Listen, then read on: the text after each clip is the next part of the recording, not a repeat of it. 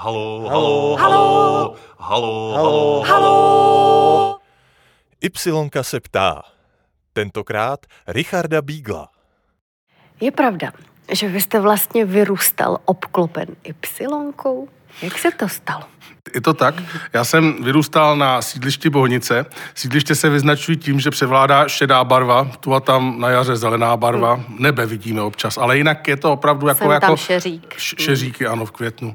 Naštěstí bez tanků. Ale eh, každopádně to sídliště má tu barevnost jako hodně redukovanou a stejně tak re- redukované jsou zážitky na sídlišti. Třeba když večer eh, běželi z televizní noviny nebo třeba běžel nějaký fotbal, tak jste se dívala na takový obrovský panelák a na tom paneláku úplně stejně blikala okna a ve stejném růžku byla ta televize a před ní byli ti lidé, kteří měli rádi ten konkrétní pořad.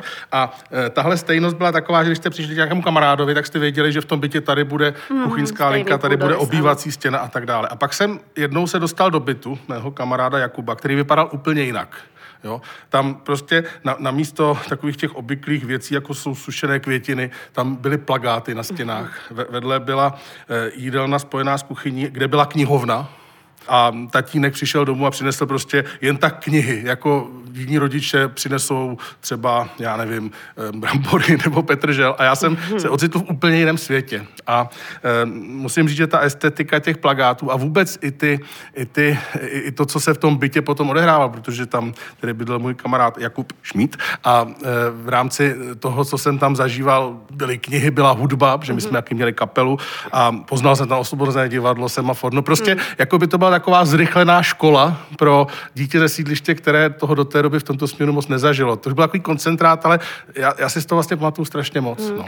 Vy jste vlastně vyrůstal permanentně na výstavě plakátů. No jednoznačně, jednoznačně. A navíc eh, tam ty plagáty se podobaly lidem, protože tam byl obrovský plagát paní Sinkové a ona tu a tam přišla domů, takže já jsem to měl jako 3D, takový jako neuvěřitelný vizuální zážitek. Ale hlavně ten fakt, že vás obklopuje něco jako, něco jako svět fantazie a férie, no to, to, je, to prostě to byly dveře někam úplně jiné. Jako když si namalujete na stěně dveře a oni jdou otevřít, tak přesně tak na mě ten byt působil. Hmm. Který ten plakát jste měl třeba nejraději? Byl takový? No, já, já si hodně si pamatuju na, ten, na tu tvář paní Sinkové, pak si pamatuju na, na plagáty, které měly jako je to nádherné písmo. Já vlastně úplně konkrétně vím, že tehdy se třeba hrál Oni jsou hodný chlapec, tak to mi tak utkvělo, ale tam vlastně nešlo o ten plagát, ono se to slévalo, jo. Oni byli ty plagáty úplně všude totiž, takže třeba někdy jste ani nevěděla, kde jsou dveře, protože tam byly plagáty. A e, tak to byl prostě takový celkový vizuální věm, E, ale opakuju, že se mi to propojilo i s tím vším ostatním já myslím, že kdyby tohoto zážitku nebylo, tak jsme se třeba já možná nikdy nepouštěli ani do té muziky, ani ničeho jiného. Divadlo ne, to mě míjelo víceméně, ale, uh-huh. ale rozhodně teda tahle ta, jako, tenhle, tahle ko- koncentrovaný náraz tímhle, asi můžu říct, kulturním světem uprostřed toho naprosto banálního sídliště, to, to bylo jak nějaký experiment na lidech, ale hrozně jako pozitivní experiment pro ty lidi. Ještě možná víc rozveďte to vyprávění o té hudbě. Jak moc vás to nasměrovalo? Jak moc jste hrál, zpíval? No, to, to, to je strašný pravěk, ale je, je, je fakt, že jsou tam některé zajímavé momenty. Mm-hmm. My jsme s tím Jakubem udělali kapelu, která hodně dlouho hledala svůj název, ale co je zajímavé, my jsme tehdy v takovém tom věku, kdy člověk trošku neví, co ze sebou nepuberta, mm. tak jsme e, měli tu výhodu, že nám ve škole půjčovali učebnu a e, my jsme si tam mohli hrát a dokonce mm. škola koupila basu, jako velikou basu, což je neuvěřitelný, jo, na přání mm. žáků a my jsme si tím pádem mohli provozovat hudbu s basou. A eh, když už jsme takhle trénovali, jsme hlavně poslouchali spirituál kvintety a, a podobné skladby. A dokonce jsme měli více hlasy, jo. to je úplně neuvěřitelný, ale rozepisoval to Jakub, to já bych nedovedla. Krásně, krásně jsme to dělali. A pak jsme si říkali, už je ta chvíle, kdy jsme mohli eh, jaksi vystoupit před publikum. Publikum uh-huh. v našem případě mohli být spolužáci, ale jsme si říkali, bylo by možná dobré jít hrát do města. Jo? Bylo by... A tak jsme se rozhodli, že půjdeme hrát do města a šli jsme. A shodou naprostých okolností, jako probíhala revoluce, eh, co, což my jsme věděli, ale ten plán jít hrát do města byl jako další, dalšího data. To znamená, my jsme začali hrát ve městě v prosinci 89. Celé město zářilo a my jsme se třeba postavili takové kašničce na v celetné a tam jsme spustili jednou budem dál, což jsme si připravovali už dávno. My jsme nevěděli, že přijde revoluce a všichni to budou umět, ale všichni to uměli. Takže tak, tam stojíme my, jako taková ta kůzlata 14-letá a zpíváme jednou budem dál a s náma tam lidi zpívají a mají ty ruce dove. A my jsme si mysleli, že je to normální, že kam přijdem, tam budou všude lidi s námi zpívat na jaře to opadlo a bylo po publiku, ale ty momenty, jo, kdy prostě kolem nás stojí obrovské množství lidí, tu a tam i nějaký provokatér a my spustíme krásný, je vzduch krásnější a možná zase jsme to uměli už dopředu, to, to jsme nebyli dohodnuti, jak si se, se s chartou, že to spustí zrovna teď. A vidíte, vidíte, tak se to povedlo. Tak jsem v té době jsem měl pocit, že hudba opravdu znamená zbližování lidí na jaře, už bylo všechno úplně jinak, takže jsme pak zkoušeli i jiné věci, ale tenhle zážitek byl neuvěřitelný. Vy jste před chvílí sice říkal, že to divadlo vás mělo, ale přesto, když jste vyrůstal obklopen těmi plakáty, chodil jste i jako divák do Y? No to jo, to jsem chodil, ale to, to je opravdu ten pravěk. Já jsem, já jsem chodil do Y, měl jsem ty kazety, tam měl jsem takovou knihu, kde jsem si i jako to porovnával, hmm. takže tohle období bylo hrozně, hrozně koncentrované, ale to jsou fakt prazážitky, to jsme v letech 87, 8, 9, pak už bylo všechno jinak po revoluci. A pak jsem Y vlastně znova potkal až teď, což je teda mimořádně silné shledání po letech. Ale v mezidobí jste hrál na Vinohradech. To se jen tak někomu nepoštěstí. No, no, no, strašidlo.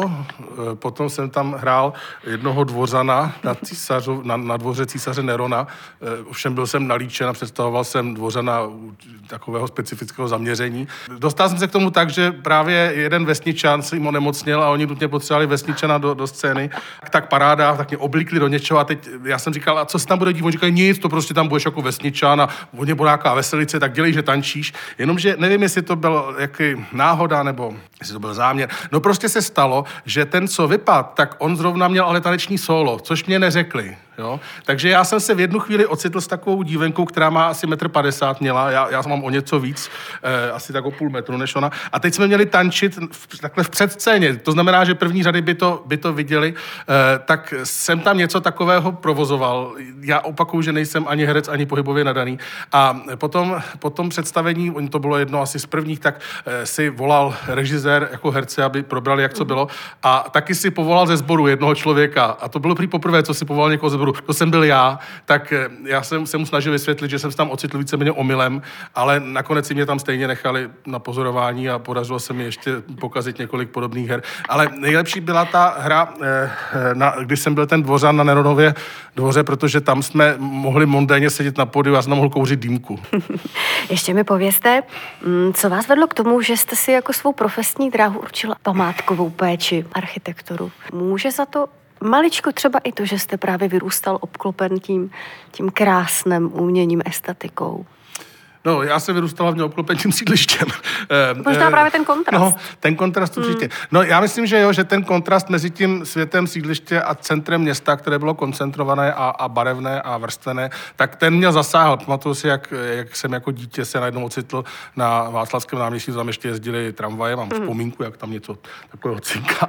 A byl jsem úplně fascinován právě tou, tou, tou koncentrovaností toho, co na tom sídlišti není a e, nakolik tomu mohlo přispět tohle všechno. No rozhodně přispělo to, že už míru měli největší knihovnu ve smíru, já jsem chtěl mít vždycky takovou, takže jsem se začal ty knížky trošku jako si jich všímat víc než dřív. A e, my, myslím si, že právě z toho, z toho kontrastu světu potom asi něco mě nasměrovalo tímhle směrem, ale e, já vám řeknu jinou věc, já si myslím, že to mnohem víc souvisí s tou hudbou.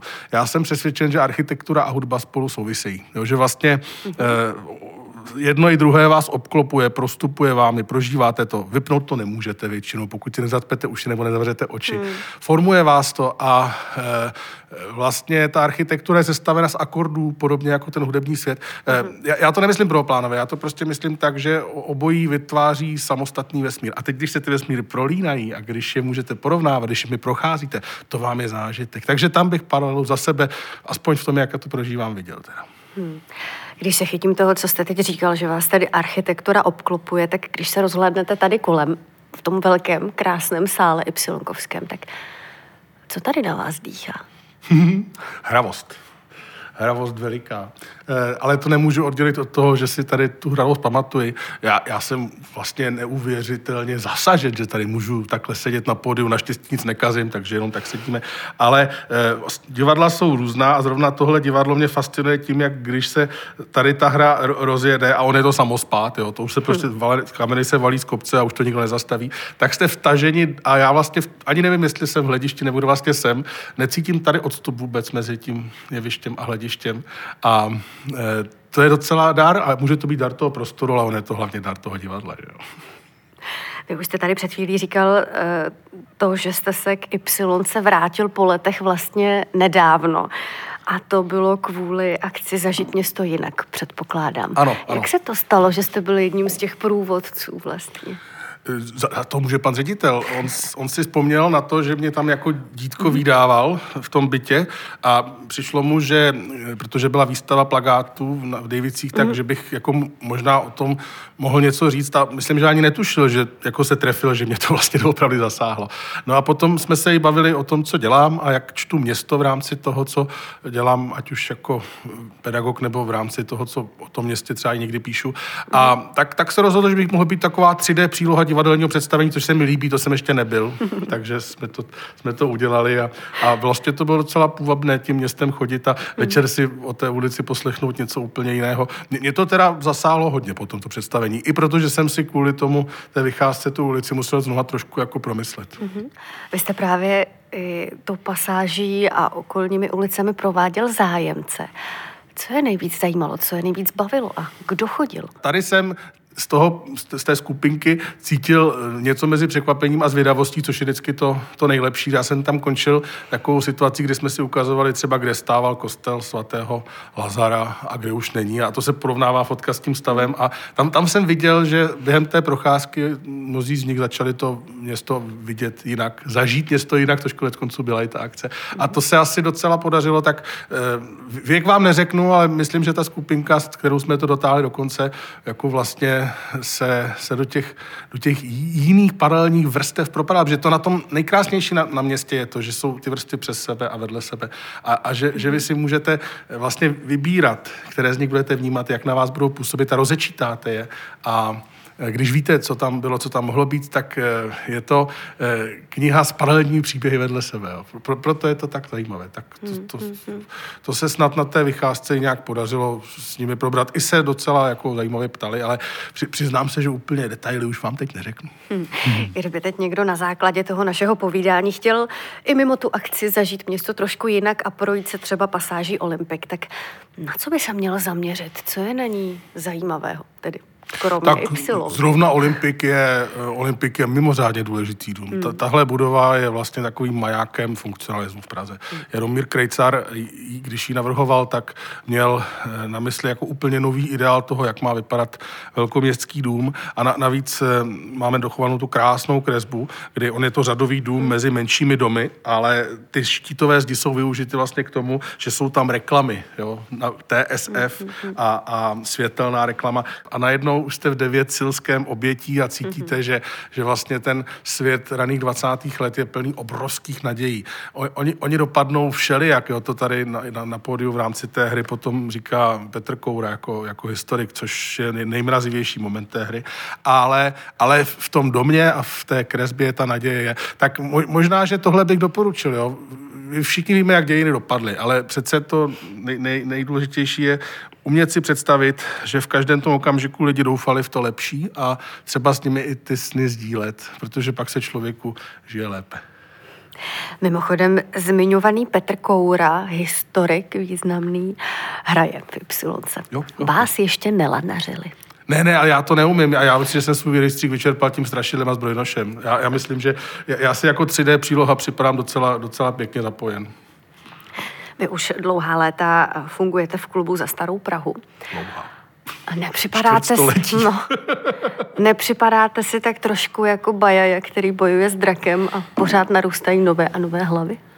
No, to je dobrá příměra. Do klubu, když jednou vás tam dějiny přivedou, nebo osud, tak už pokud jste se s ním potkali názorově, tak to, je, to, to, to, není, to není práce, to je prostě osud. Jo. Takže eh, klub za Starou Prahu v tomhle je naprosto neuvěřitelný, má těch 122 let a, a dává vám jako pocit, že ten boj nebo zápas o to, že město má být eh, vlastně zachováno co nejlépe, až architektura, která do něj vstupuje, má být co nejlepší, protože klub za Starou Prahu i podporuje kvalitní architekturu současnou, tak vlastně vám dávám to jistotu, že na to nejste sami. A e, i ty třeba bitvy, které se úplně nepovedou, mají smysl, protože jsou to pak ty symboly, o které se můžete opírat dál.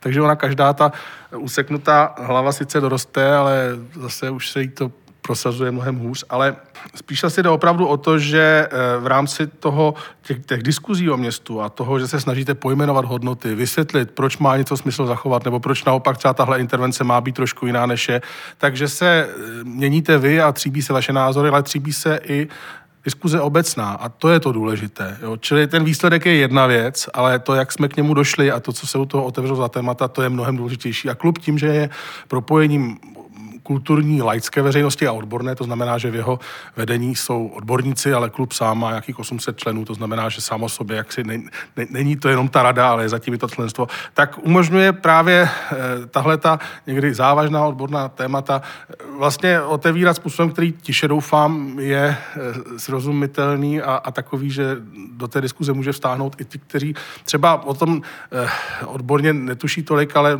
s tím městem nějakým způsobem jsou souznění a jde jim o něj. Tak tohle má smysl, ať je hlava kterákoliv, ať jich to roste kolik chce. A e, během těch 120 let vlastně klub byl u toho, když se rodila památková péče. On když začínal, tak žádný zákon nebyl. Ten přišel až půl století potom.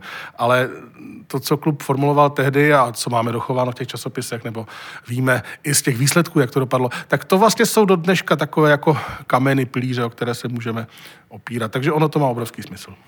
Říká Richard Beagle. Já vám moc krát děkuji, že jste přišel do Y. děkuji. Os caras não.